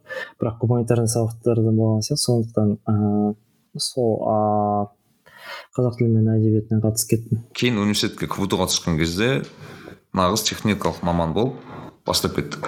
Иә мен неге сұрап жатырмын ыыы өйткені мынау маған айтады да адамдар мен өзімді гуманитарий сезінемін сондықтан айти кішкене маған алыс көрінеді деген кезде айтамын адамдар оған да байланысты емес сияқты көрінеді маған өйткені ол адамның жаттығатын зат секілді да, бұл бұлшық ет сияқты қаншалықты бұлшық ет дайын соған байланысты адам өзі де дайын секілді көрінеді. Иә иә иә тура солай. Жаңағы мысалға любой кәдімгі спортсмен бар футболист ретінде қарайтын болса мысалға сол ыыы базовый тақырыптар деп атайды сол тақырыптарды просто ам, тренировать ете бересің өзіңді кәдімгідей ііі есте қа- қалғанша кәдімгідей есептер шығарып талқылап ыыы жаңағы сияқты зерттеп деген сияқты просто оқи бересің оқи бересің. Бірден оны ешкім түсін түсініп кетпейтін сияқты м, генийлер ғана түсінетін сияқты. Ең басында өте қиын болады барлық адам. Просто оны күнде қайталай беру керек оқу беру керек просто осындай айтады ғой ыыы постоянство керек те күнде қайталау керексің де. Тоқтамай. Тоқтамай иә сол ә, күннен күнге ол осылай ә, кішкентай кішкентай кішкентай бір ә, кірпіштермен ол бүкіл жаңағы бүкіл ыыы тәжірибені қалыптастыруға болатын сияқты. Мектепте айналыспай университетте бастап кеткен программисттердің бірісің ғой сен иә яғни мектепте ол жайлы кішкене иә иә а, программированиеға мүлде жақын болмағанмын ыыы мектепте сол универге келген кезде бірінші рет танысып негізі кбту ға түскен бір жақсы болған жері жаңағы көптеген а, жаңағы мектеп кезінде олимпиадаға қатысып жүрген жаңағы информатиканың олимпиадаға қатысып жүрген адамдар болды да солардан кішкене ә, үйренген сияқтымын бірақ та ең басында келген кезде бір ііі кішкене қиындау жағы жаңағы олимпиадаға қатысқан адамдар вообще бір бірнеше деңгейге жоғары болды да. Олармен даже тіптен конкуренция емес жаңағы адамдардың ым, істеп жатқан нәрселерін көрген кезде мысалға мотивацияң түсіп кетеді негізі. Бұндай деңгейге же- жету мүмкін емес сияқты болып көрінеді де. Но бірақ та ыыы уақыт өте келе оның бәрі ну стандартты нә- нәрсе сияқты болып көр- көрініп бастайды. Жаттығып аласың оған да? Иә иә жаттығу тек қана жаттығу просто даже түк те түсінбесең де мысалы бір тақырып кішкентай тақырыпты алып түк те түсінбесең де просто ол күнде күнде соны жаңағы қайталай берсең бір бір кі- кішкентай кодты алып осындай. Просто соны күнде күніне он рет жа- жаза берсең де кәдімгідей сен ыыы бүкіл кәдімгі ыыы бұлшық еттердің бәрі кәдімгі соныкі есте сақтап алады сол келесі жолы примерно со- соған сол сияқты жаңағы проблема келіп қалған кезде тура соны өзі кәдімгі қолдарымен жазып бере алады негізі. Керемет. Бұл да бір жас мамандарға кішігірім мотивация. Иә сол а, мысалға мен бір ба- ба- байқаған бойынша осындай бір м, программирование үйренген кезде осындай бір осындай г- график осылай да ең басында ең басында былай а, кішкене жоғарыға көтеріліп көтеріліп келеді көтеріліп келеді де бір кө- көтеріліп келеді көтеріліп келеді де содан кейін резко төмен түседі прям түбіне дейін жетеді бар ғой түбіне дейін жетеді сол түбімен кішкене жүріп келеді жүріп келеді жүріп келе жатады да содан кейін ақырын көтеріліп бастайды сол жаңағы былай ғой ең басында программамен айналысып бастаған кезде ең басында бір оңай оңай бір нәрселер көресің сол кезде о программирование күшті екен деп бәрі осылай кәдімгідей ааа қуанып істейді содан кейін бір тақырыптар күрделеніп күрделеніп кетті. бір кезде бір екі тақырыптар бар. Сол программаның бас жағындағы ең базовый тақырыптардың бірі. Мүлде басқа кірмейді ең басында. Сол кезде ә, резко түседі жаңағы график бар ғой сол просто жаңағы график солай төменде жүрген кезде просто шыды жаңағы тоқсан процент жаңағы программистер жаңағы тастап кететіндердің тоқсан проценті сол именно сол жерде түскен кезде тастайды екен да. Бірінші қиындықтармен бірінші кезде қиындықтар иә сол ең бастысы сол жаңағы қиындықтарды жеңіп ары қарай өтіп кету керек та содан. Сол ғана кішкентай ғана период өзі. Негізі бір ай ма екі ай шығар білмеймін. Енді бірақ та бұл сен бүкіл өмір бойы соның жемісін көресің. Сондықтан сол бір бір ай бір ай ма өзіңді қинап отырып сол содан өтсең ары қарай уже ыыы тіптен оңай болып кетеді. Кішігірім инвестиция десең болады. Иә иә иә. Және де кәдімгі стоящий инвестиция да ол кәдімгідей сол бір рет қиналғаннан кейін содан кейін ыыы бүкіл өмір бойы нан таба алатындай жұмыс Иә. беретін. Иә нан таба аласың. А, бүкіл жерде қолдана аласың да оны.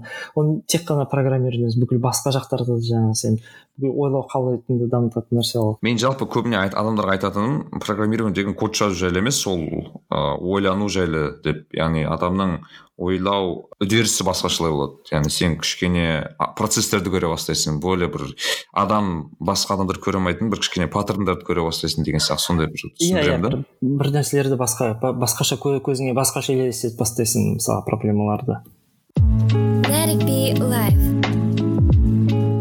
Ә, әсеке енді кішігірім қазіргі істеп жатқан компанияға алсақ. Сенің істеп жатқан компанияң қазір снапчат деп аталады. Әлемге әйгілі ыыы мынау приложение иә иә фейсбуктың конкуренті жас- жа- жастардың көбіне қолданатын приложениесі болған кезінде сол снапчатты фейсбук сатып алғысы келген бірақ ыыы сатып ала алмаған деп естідім. Иә иә енді қандай мотивация болды ауысуға нені не үшін мына жақсы үлкен фейсбук сияқты компаниядан соның былайша айтқанда конкуренті снапчатқа ауысуға қандай не түрткі болды? Ол былай ғой мысалға ыыы, бір екі үш мысалға ең ә, главный ең басты мотивациялар ол жаңағы ыыы, басқа опыт. То есть ыыы, жаңағы кішкентайырақ компанияда опыт алғым келді біріншісі. Ыыы мысалы кішкентайырақ компанияда жаңағы сенің ыыы істейтін і проектілерің ііі кішкене қалай айтсам екен? Мысалы үлкен компанияда допустим кішкентай нәрсені көп адам істейді көп көп адамның немесе жаңағы ә, әсер ететін ііі алқабы деп айтсам ба скоп деп атайды ағылшынша бұны жаңағы проекттердің немесе әсер ететін әсер ететін нең ы, алқабы иә скопың көбірек болады. Скопы көбірек болады иә. Сол болды ең бір- бірінші мотивацияның бірі екіншісі жаңағы басқа да компанияларда қалай вообще ә, өмір қандай? Олар ам, мысалға сен ә, фейсбукта істей берсең істей берсең. Негізі фейсбук ә, өте ә, комфортный жерде негізі. Ол жерде істей бергің келеді ешқашан кеткің келмейді да просто басқа жаққа барып басқа да нәрселерді көргім келді. Екінші нәрсе үшіншіден жаңағы басқа жаққа ба- басқа компанияға ауысқан кезде ыыы мысалға сен ыыы фейсбукта опытың мысалға өте бағалы да басқа компанияларға әсіресе оның кон- конкуренттеріне допустим. Ыыы сол жаңағы сен өзіңнің жаңағы алған тәжірибеңді басқа компанияларға. Ыыы былай айтқанда сату сияқты ғой ол. Ыыы сол ыыы басқа компанияларға ауысқан кезде сен негізі олар ыыы кішкене ыыы көбірек саған ыыы жаңағы жалақы төлейді. Ыыы кішкене ыыы жақсырақ ы условия алуға болады басқа компаниялардан. Кез келген мен жалпы түсініп айта кететін зат жұмысқа тұру интервью өту шынына келгенде өзіңді сата білу техникасы десе де болады иә? Иә иә. Ыыы сол өзіңнің ы, яғни опытыңды услугаларыңды деген секілді. Иә сол ы, мен бірнеше компаниялармен ііі жаңағы собеседование өттім соның ішінде жаңағы ыыы снапчат ең жақсы условиялар предлагать етеді сосын сол компанияға көрдім мхм. Ал интервью ол өзгеше бола ма? Ыыы бағана фейсбуктан басқа компаниялар компанияларға ауысқан кезде өз ком- компанияның өзінің немелері культуралары бар ғой өзінің сол культурасына байланысты ыыы интервьюлар. Примерно ы, бірдей да бірақ та ы, кішкене өзгешеліктері бар яғни бір өте детальдар әртүрлі болады иә иә иә олардың допустим олар басқа бір нәрселерге қарауы мүмкін. Мысалға фейсбукта сен тез тез қозғалатын адамдар керек те. Допустим ы, скоростіңе қарайды олар сен қалай тез жаза аласың ба код анау мынау деген сияқты. Мысалға снапчатта оған қатты қарамайды олар мысалға наоборот качественно жаңағы сапалы код жаза аласың ба типа қаншалықты сапалы қанша сапалы сапалы тестировать ете аласың ба деген сияқты нәрселерге қарау мүмкін да сапаға өте көп мән береді. Өте көп мән береді. Фейсбукта да енді немесе жақсы баланс болу керек жаңағы сапа мен жаңағы жылдамдықтың мені снапчатқа байланысты бір екі әлі күнге дейін түсінбейтін заттарым бар. Мысалы бұның соншалықты танымал болып кеткен яғни жастардың арасында сонша таралып кеткен себебін кішкене түсіне, түсіне алмаймын да әлі күнге дейін. Есімде болса бұл яғни жасөспірімдер подростықтар немесе бағанағы мектеп кезіндегі балалардың өзара байланыс ретінде қолданып сол арасында танымал болып кеткен кейін қолданыс өсе берген иә? Иә иә. Сол тоқсан проценті жаңағы қолданушылардың тоқсан проценті он сегіз бен жиырма төрт жас аралығындағы неме екен? Қолданушылар екен. Сол негізі шынымды айтсам негізі мен өзім де қатты түсіне бермеймін. Негізі өзім де қатты қолдамаймын негізі. Ыыы бірақ та түсінуге тырысамын білмеймін мен мысалы түсінбеген не жасау да қиын емес па? Өзің түсінбейтін продукт. кішкене қиындау иә. Бірақ та енді ақырындап ну енді ол немесі басты шарт емес сен өзің ыыы қатты қолдануың керексің деген ондай басты шарт емес. Енді ақырындап қолданып жүрмін өзім? бірақ та өзім өзім қатты түсіне беремін сондай негізі себебі қатты көп қолдана алмайтын себебім негізі менің достарымның көбі ыыы снапчатта отырмайды. Да олар басқа жаңағы телеграмда отырады ыыы мессенджерде отырады ватсапта отырады. Мен солармен көбі көбіресе сол, ыыы мессенджерларды қолданып сөйлесемін да бірақ олар снапчатта олармен қолдану қиын. Ал бағанағы он сегіз жиырма төрт аралығы өте танымал өте қолданыстағы иә. Менің мынандай байқайтын тенденциям ііі мынау аудиторияны өсу ыыы тенденциясы бар. Мысалы снапчатты кезінде қолданған бала айталық бір он екі жаста болса қазір бес жылдай өтті ол бала он жеті он сегізге келіп қалды. Мхм. Яғни кезіндегі фейсбукта солай яғни студент студент балалар қолдана бастады қазір уже кішкене отыздан асқан отыз бестегі кісілер қолдана бастады. Яғни аудиторияның өсу тенденциясы бар. Мысалы қазір байқасам ыыы тик ток деген сияқты приложениелер бар. Яғни солардан бастап олар да приложение. Яғни әрбір заман өзінің бір ыыы мейнстримі дейді ғой солармен байланысты өседі. Иә иә ыыы снапчатта солай болады деп ойлайсың ба яғни мысалы айтайық бес он жыл өтеді. Адамдар әлі де соны бағанағы ең басында қолданған әлі күнге дейін қолдана береді деген секілді соны. Қолдана береді деп айту қиын негізі. Бұл тенденцияны тенденцияның бағытын табу бағытын негізі болжау да қиын. Ыыы сондықтан сол жаңағы компаниялар бүкіл фейсбукта инстаграмда кәдімгідей өздерінің жеке командалары жаңағы бүкіл келе жатқан жастардың тенденцияларын зерттеп не ұнайды не ұнамайды сол жаңағы өздері жастар қалайтын функционалдардың бәрін жаңағы снапчатқа фейсбукқа солар енгізгісі келеді жаңағы бүкіл жаңағы жаңағы жаңа юзерларды да жаңағы қолданушыларды ескі қолданушылардың да бәрін ұстап қалуға тырысады ыыы білмеймін енді снапчат жайлы айту өте күрделі снапчат өзі бір ерекше стартап қой кезінде болған. Иә иә ерекше сол ыыы шыққан кезде өте а мен түсінбейтін сұрақ монетизация бар ма снапчатта қазір? Иә реклама. Реклама. Мхм иә жаңағы соцсет сияқты бәрінде реклама береді иә? Реклама жаңағы сторилардың арасында реклама камерасында рекламасы бар. Ыыы жылына где то миллиардтан астам ақша ақша алып келеді сол рекламалар. Мхм. Яғни стартап деген сөзді оған қолдануға болмайды. Уже стартап емес ол уже кәдімгі публичный компания кәдімгі айпио ашып қойған енді структура жағына келсек мысалы сен фейсбукта бір белгілі бір компаниялар структурасын көрдің иә? Жұмыс істеудің workflow дейді ғой яғни белгілі бір workflow көрдің. Сол снапчаттағы workflow өзгеше ме одан жалпы? Әлде ол стандарт? компания кішірек болғаннан кейін workflow кішкене басқашалау ыыы стиль де басқашалау. Ыыы жаңағы қойылатын талаптар да басқашалау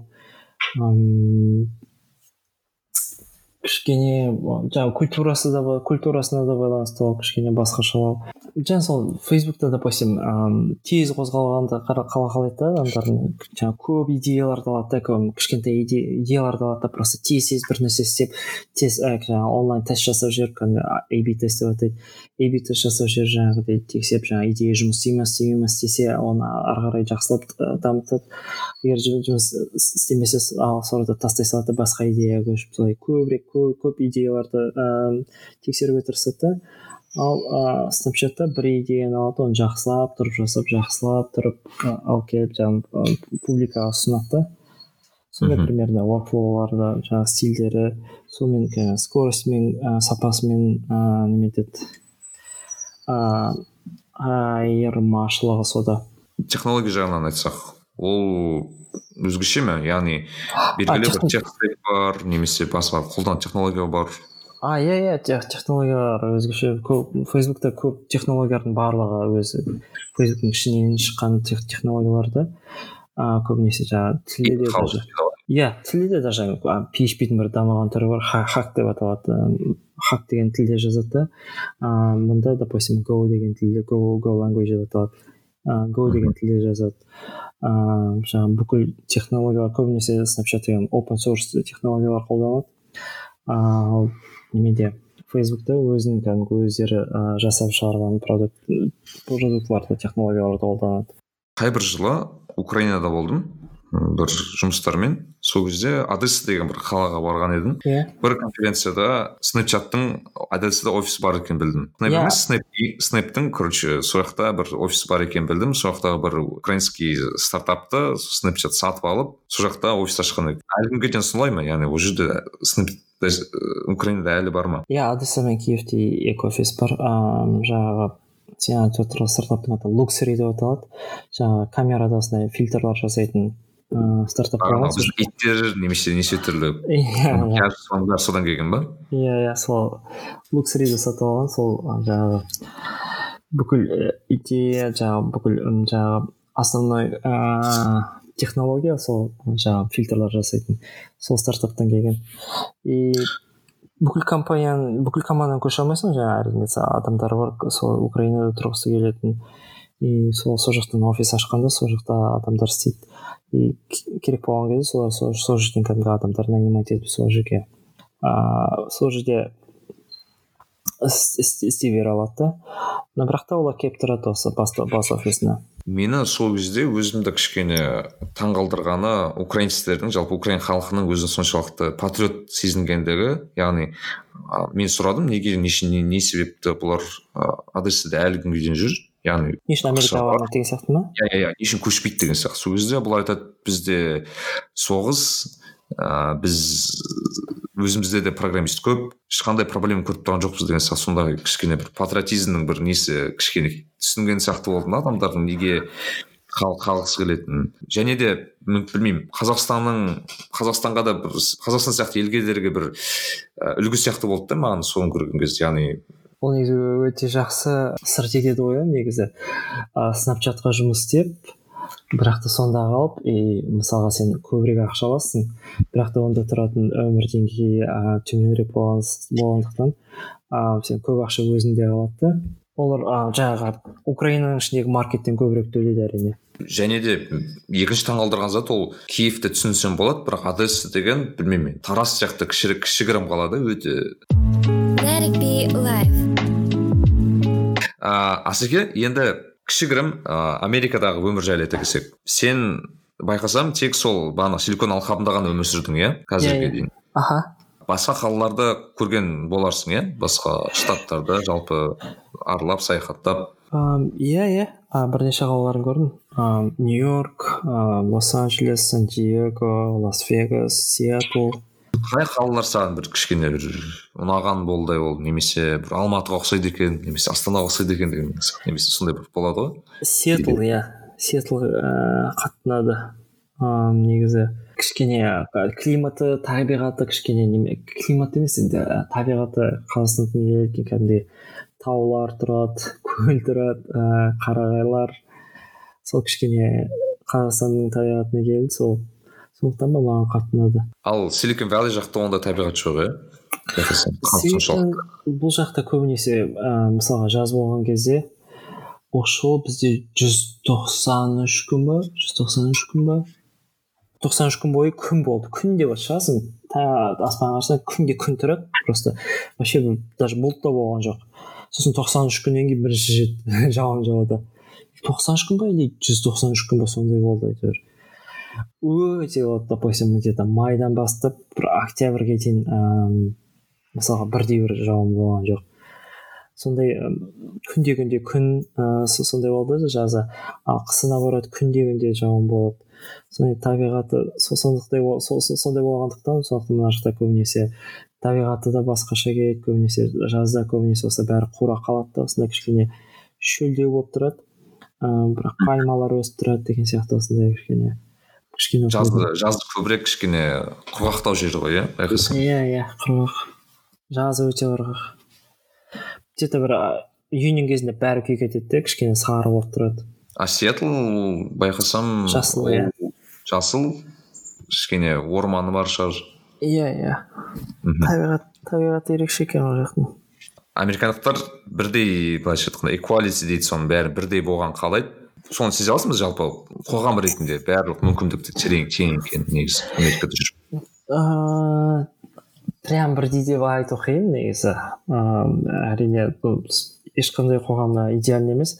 Но бірақ та енді мен бүкіл көрген жерлердің арасында бұл ең сол ә, жаңағы теңдікке ең жақын қоғамдардың бірі сияқты. Мысалы жүрген кезде бірде бір рет осылай біреу сен осындайсың или там сен ыыы рассаң басқа деп біреу шеттеткенін байқамаппын мысалға или там не знаю там киім киім киіміне қарап ыыы не знаю ыыы не знаю бізде қазақстанда допустим машинасына қарай там ұстаған телефонына қарай там допустим солай кішкене неметеді ғой адамдарды. Басқа басқаша отношениялары кішкене басқаша болады ана жақта ондайға көп қарамайды. Адамдар вообще жай киініп там көбінесе солай кішкене адамдар проще деп былай айтқан орысша айтқанда проще да мына жақта адамдар? Адамдар жеңіл қабылдайды андай істерді иә иә. Жалпы мынау миграционный мынау неге келсек сұраққа келсек қазір өте көп снг дан қазақстаннан басқа елдерден америкаға несі транзит көбейіп кетті иә адамдар ауысып жұмыс істеп көбейіп жатыр. Өзің байқап жатрсың ба? Жалпы соңғы жылдары осының көбейіп кеткенін немесе азайғанын қазақстаннан ба именно? Иә қазақстанда әсіресе иә қазақстанда қазір вообще мысалға мен мен бітірген кезде маған өте қиын болды сол компанияларға тапсыру мысалға. Мына жақта рекомендация деген бар да. Допустим сол компанияда жұмыс істейтін бір қазақты тап допустим бір адам тапсаң егер ол сені рекомендация беретін болса мынау мына бала типа осы жақсы кандидат мынаған интервью жасайық деп. Сол кезде интервью ә, алу өте оңай да. Допустим ыыы мен болған кезде допустим фейсбукте бірде бір қазақ мен білетін бірде бір қазақ болған жоқ та. Сондықтан мен ешкімді сұрай алмадым маған ыыы осылай рекомендация берші деп. А қазір қазір қазақтар почти бүкіл осындай бүкіл үлкен компанияларда қазақтар бар да. Қазақтар қазақтарына бір біріне осылай рекомендация сұрап алып осылай қазір осылай тенденция допустим универді бітірген кезде там допустим біз біздің потоктан мысалға бір бес алтау ғана шығар осылай үлкен компанияларға кеткендер. Көбінесе көбі қазақстанда қалды. Қазір прямо екінің бірі бітіргендердің бәрі қазір осы осындай компанияларға подавать етеді. Мысалға маған әлі күнге дейін даже снапчатқа алсам да снапчатқа да ыыы типа рефер жаңағы рекомендация беріңізші деп көп жаңағы бітіріп жатқан жастар көп жазады маған. Соған қарағанда кәдімгі тенденция ыыы кәдімгідей шынымен қатты өсіп келе жатқан сияқты. Бұл қаншалықты дұрыс деп ойлайсың? Жастардың шетке осылай ұмтылуы? менің ойымша өте дұрыс деп ойлаймын. Ыыы негізі егер де сенің ә, жаңағы кетіп қалуға мүмкіндік мүмкіндіктерің болып тұрса жаңағы сен ол жақтан ыыы ол жақтан саған көбірек төлесе және де ыыы сен жаңағы ыыы қазіргі мемлекетпен ыыы жаңағы мемлекет басшыларымен сондай мемлекет басшыларымен ә, қанағаттанбасаң өте дұрыс деп ойлаймын. Ыыы алу керек те просто кетіп қалу керек. ыыы мүмкіндіктер болса сенің о баста айтқан осы анау ә, мақалаңда бағана антенгер ньюстағы өте қызық ә, мен үшін андай не бар да? Үзінді. Сенен ыыы не жайлы сұрапты ыыы қайтып келу жайлы сұрапты аха қайтып келемін дедім иә кезде иә орысша қазір айтсам. Но хотелось бы в конечном в итоге набраться опыта, вернуться в свою страну. Сейчас думаю только об опыте. Через три, максимум четыре года планирую вернуться деп жазыпсың жалпы төрт жылдан асқан секілді ол сөздерің қаншалықты енді актуалды деп айтса болады білмеймін ііі негізі бұның бәрі қиын өте қиын сұрақ негізі. Ыыы оңай сұрақ емес просто жалпы ойың иә, қандай деген ғой? Ыыы ойым өзгерген сияқты бірақ та былай ыыы қарап отырсаң мысалға даже қасынан қайтқанның өзінде мына көптеген осындай былай айтқанда маразм дейді ғой кәдімгі билік басындағы адамдар істеп жатқан нәрселердің бәрі қанағаттанып жатқан жоқпын не істеп жатқандар. Сондықтан мысалы даже қайтқанның өзінде даже тіпті жұмыс істетпейтін жұмыс та жоқ сияқты ғой нормально жұмыс істейтін там мысалға. Даже бизнесіңді ашсаң да күніне интернетті блокировать етсең мысалға не знаю бизнесің күнде просто кәдімгідей бүкіл интернет интернет арқылы істейтін бизнестердің бәрі кәдімгі сол үшін кәдімгідей убытоктар ыыы убытоктарға ұшырап жатыр. Сондықтан не знаю бұл идеальный емес те жаңағы бүкіл пландарыңды іске асыратын сондықтан ыыы қазір кішкене өзгерген сияқты. Ыыы бірақ та егер қайтатын болсам ол жаңағы не знаю ол патриоттық жағынан емес сияқты көбінесе. Патриоттық сезім үшін емес сияқты қайтатын. Жалпы сырт жерде тұрып мынау қазақстанда кішкене бағанағы депрессия немесе осындай бағана сен айтқан сияқты маразм даже осы біздің масс медиадан да байқалады иә кішкене фейсбук иә. болсын басқа жерге болсын көріп. Әрине мысалға там көптеген там жаңалықтар допустим там үлкен компаниялар обсуждать мысалға естіген боларсың ана бір жаңалық болды ғой. Ыыы рут сертификатты установить ету керек деген бүкіл иә иә иә бүкіл ыыы жаңағы сотовый телефондарға. Сол жаңағы бүкіл үлкен компанияларда фейсбукта гуглда жаңағы үлкен компанияларда мына мозиллада бүкіл жерде обсуждаться етілген. Негізі қазақстанды кәдімгі ыыы банить етуге қазақстаннан келген юзерларды. Потому что жаңағы ру сертификат қондырған кезде кәдімгі қазақстан государствосы кәдімгі бүкіл адамның не қарап не оқып не жіберіп жатқандарын бәрін контролить еткісі келгенде соны солардың айтуы бойынша типа қазақстан типа типа заголовоктарына қазақстан типа шокировал весь мир твоим с таким этим даже там а, в Северной Корее такого не сделал. Деп это очень типа смелый шаг деп со стороны государства деп сөйтіп солай жазған да олар еш критикасыз еш ешқандай жаңағы мысқылсыз айтқан да олардың бәрін. Но соларға солардың бәріне қарағанда кәдімгідей адамдар компания ішінде адамдар келіп шынымен де қазақстан сөйтіп жатыр ма? деп кәдімгі сұраған кезде кәдімгідей мен мысалға ыыы кірерге тесік таба алмадым сол жерде бар ғой. Ұяласың кішкене. ұяласың әрине. Сенің ііі бір қызың бар иә байқасам иә иә бір қызым бар. Ә, мектепке бара ма әлде әлі? Жоқ жасы екіде. Жасы екіде. Жалпы мен айтып отқан себебім ыыы қалай көресің? Жалпы мысалы мысалы садик бар мектеп бар деген сияқты уже зерттей бастадың ба? Жалпы қаншалықты айырмашылығы бар деген сияқты қандай ойлар мына жақта бір айырмашылығы өте қымбат мына немелері садиктер мысалға бір айына айына бір екі мың доллардан асатын шығар сол садикке төлеу. Ал айына? иә айына. Ыыы именно там еще силиконовая долина болған үшін еще осы жақта еще қымбат та а, сол ол минимум неме да одан астам тағы да бір немелер бар сақтектері бар олар төлейтін. Сол бір екі жарымның шамасында шығып қалады. Сайттар өте қымбат біз пока сайтикке бермейміз ә, зерттеп көрдік. Енді берейік бір ыыы күзге таман ба берейік деп жатырмыз. Сол ыыы әртүрлі түрлерде садиктер бар. Мысалы мына орыс садиктері бар испан садиктері бар ә, индийский садиктер бар китайский садиктер бар. То есть ыыы что садик жағынан более менее демократияда кез келген адам лицензированный адам уже өзінің ә, садигін аша алады тек қана жаңағы лицензия алу проблема да? Лицензия ал жаңағы мен осылай осылай балаларға қарай аламын деген смысле лицензия алуың керексің да?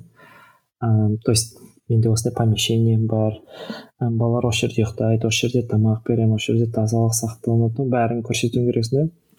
Сосын лицензия лицензия алып қана садик ашсам болады мысалы тіптен қазақ садигін ашсам болады бұл жақта. Бірақ адам жиналмайды дейсің ғой. Жинауға мына жақта егер қазақ садигін ашса бүкіл қазақтар берер еді бірталай ақша табуға болар еді. А спрос бар ма ондайға? Иә бір мына жақта қазақтар бір екі жүзден астам қазақ семьялар тұратын шығар. Жалпы әсеке сөз соңында қандай бір тыңдарманға қандай бір сөз өзіңіздің бір ойыңызды жеткізе алсаңыз қандай бір айтар сөзіңіз болса иә сол а мен негізі көбінесе ең басты ә, немесі себебі мына неме подкастқа ыыы келіп отырған сол қосылып отырған себебім сол жас жаңағы программисттерге жаңа осы жаққа осылай ә, басқа осындай үлкен ә, тех компанияларға өткісі келіп осы жақта опыт жинағысы келетін адамдарға немесе программирование үйреніп жүрген адамдарға ә, ең басты бір ең үлкен ә, неме кеңестер бергім келген сол соларды айта кетсем. Сол ә, программирование жайлы жаңағы немесе даже тіптен бастамаған адамдарға беретін ең бір ә, үлкен кеңесім. Ыыы программирование мысалы мен көптеген ыыы неме мысалдар келтіре аламын. Мысалға ыыы строитель болып немесе кім болса да грузчик болып жүріп кәдімгі программистке ауысқан адамдар көп. Сондықтан ол ә, жаңағы гуманитария немесе там ыыы оның алдында не істедім? Ешнәрсе ііі ешнәрсе оған неме болмау керек. Кедергі болмау керек негізі. Ыыы алу керек та просто негізі. Программирование ыыы программирование. В одно и то же время вот бар ғой ол өте қиын сияқты болып көрінеді. И в одно и то же время ол өте оңай ретінде оңай болып көрінеді негізі. Сондықтан ыыы алу керек те қорықпай просто ыыы оны просто ыыы стабильно ол просто оқу керек. Сонда ыыы негізгі адамдардан басты көретін ыыы көп байқайтыным где то бір екі жылдың ішінде уже ыыы кәдімгідей үлкен жетістіктерге жетіп жатады. Қазір ыыы алматыда астанада жаңағы үлкен қалаларда көптеген буткамптар ашылып жатыр көптеген школалар ашылып жатыр программирование. Ыыы жаңағы ақшалары бірталай енді негізі ыыы бүкіл курсқа там жүз мыңнан астам ақшалар сұрайды олар. Бірақ та ол негізі соған тұрарлық инвестиция деп ойлаймын. Сондықтан ақшаны аямай соларға барып үйреніп кәдімгі егер де басқа жұмыс істеп жүрсеңіздер де кәдімгі кеш, кешке уақытта оқытатын кешкі уақытта оқытатын ә, көптеген негізі мектептер бар. Соларға барып оқып ә, жаңағы опыт жинап ыыы жаңағы қорықпай ә, басқа жер басқа бүкіл үлкен компанияларға ыыы тапсыру керек. Ыыы және мүмкіндік болып жатса ыыы мүмкіндік болып жатса өтіп ыыы мысалға тіптен ыыы өмір бақи көшіп көшпей ақ жаңағы уақытша көшіп келіп солай көріп ә, ел көріп жер көріп жаңағы тәжірибе жинап деген сияқты осылай ыыы істеп жұмыс жұмыс жұмыс істесе негізі ә, менің ойымша ол үлкен тәжірибе болатын сияқты ә, тәжірибе. Сол сол ең басты ә, менің ыыы кеңесім. Ыыы және де немесе уже программирование үйреніп алып жаңағы ыыы есептер шығарып дайын ба бірақ та егер де жаңағы ііі интервью алуға ыыы жаңағы собеседованиеға өтуге ыыы қол жеткізе алмай жүрген жастар болатын болса оларға жаңағы ыыы көптеген жаңағы қазақ ыыы қазақ айти нетворк деген жаңағы фейсбукте біздің өзіміздің группамыз бар немесе телеграмда көптеген группалар бар немесе білетін қазақтар болса тіпті маған да осылай тікелей хабарласып резюме жіберіп осылай кәдімгі рекомендация сұрап а солай ыыы собеседование алса да болады. Бірақ та мен де мен мен басқа да көптеген қазақтар бар олардың барлығы кәдімгідей ііі негізі ыыы отказ бере бермейді егер де жаңағы кандидат жақсы болатын болса олар негізі әрдайым ыыы көмектесуге дайын. Сондықтан солай ыыы ұялмай кәдімгі ыыы кәдімгідей тікелей хабарласу керек.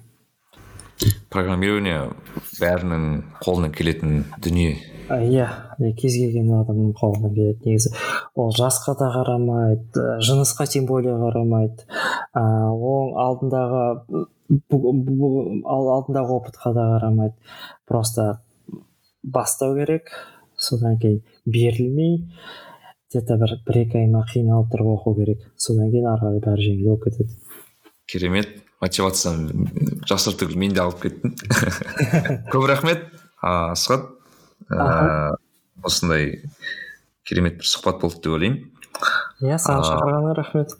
ал тыңдармандарға келесі кездескенше подкастты тыңдап жүріңіздер көп рахмет сау болыңыздар нарикби лайф. Кәсіби және рухани даму жайлы подкаст.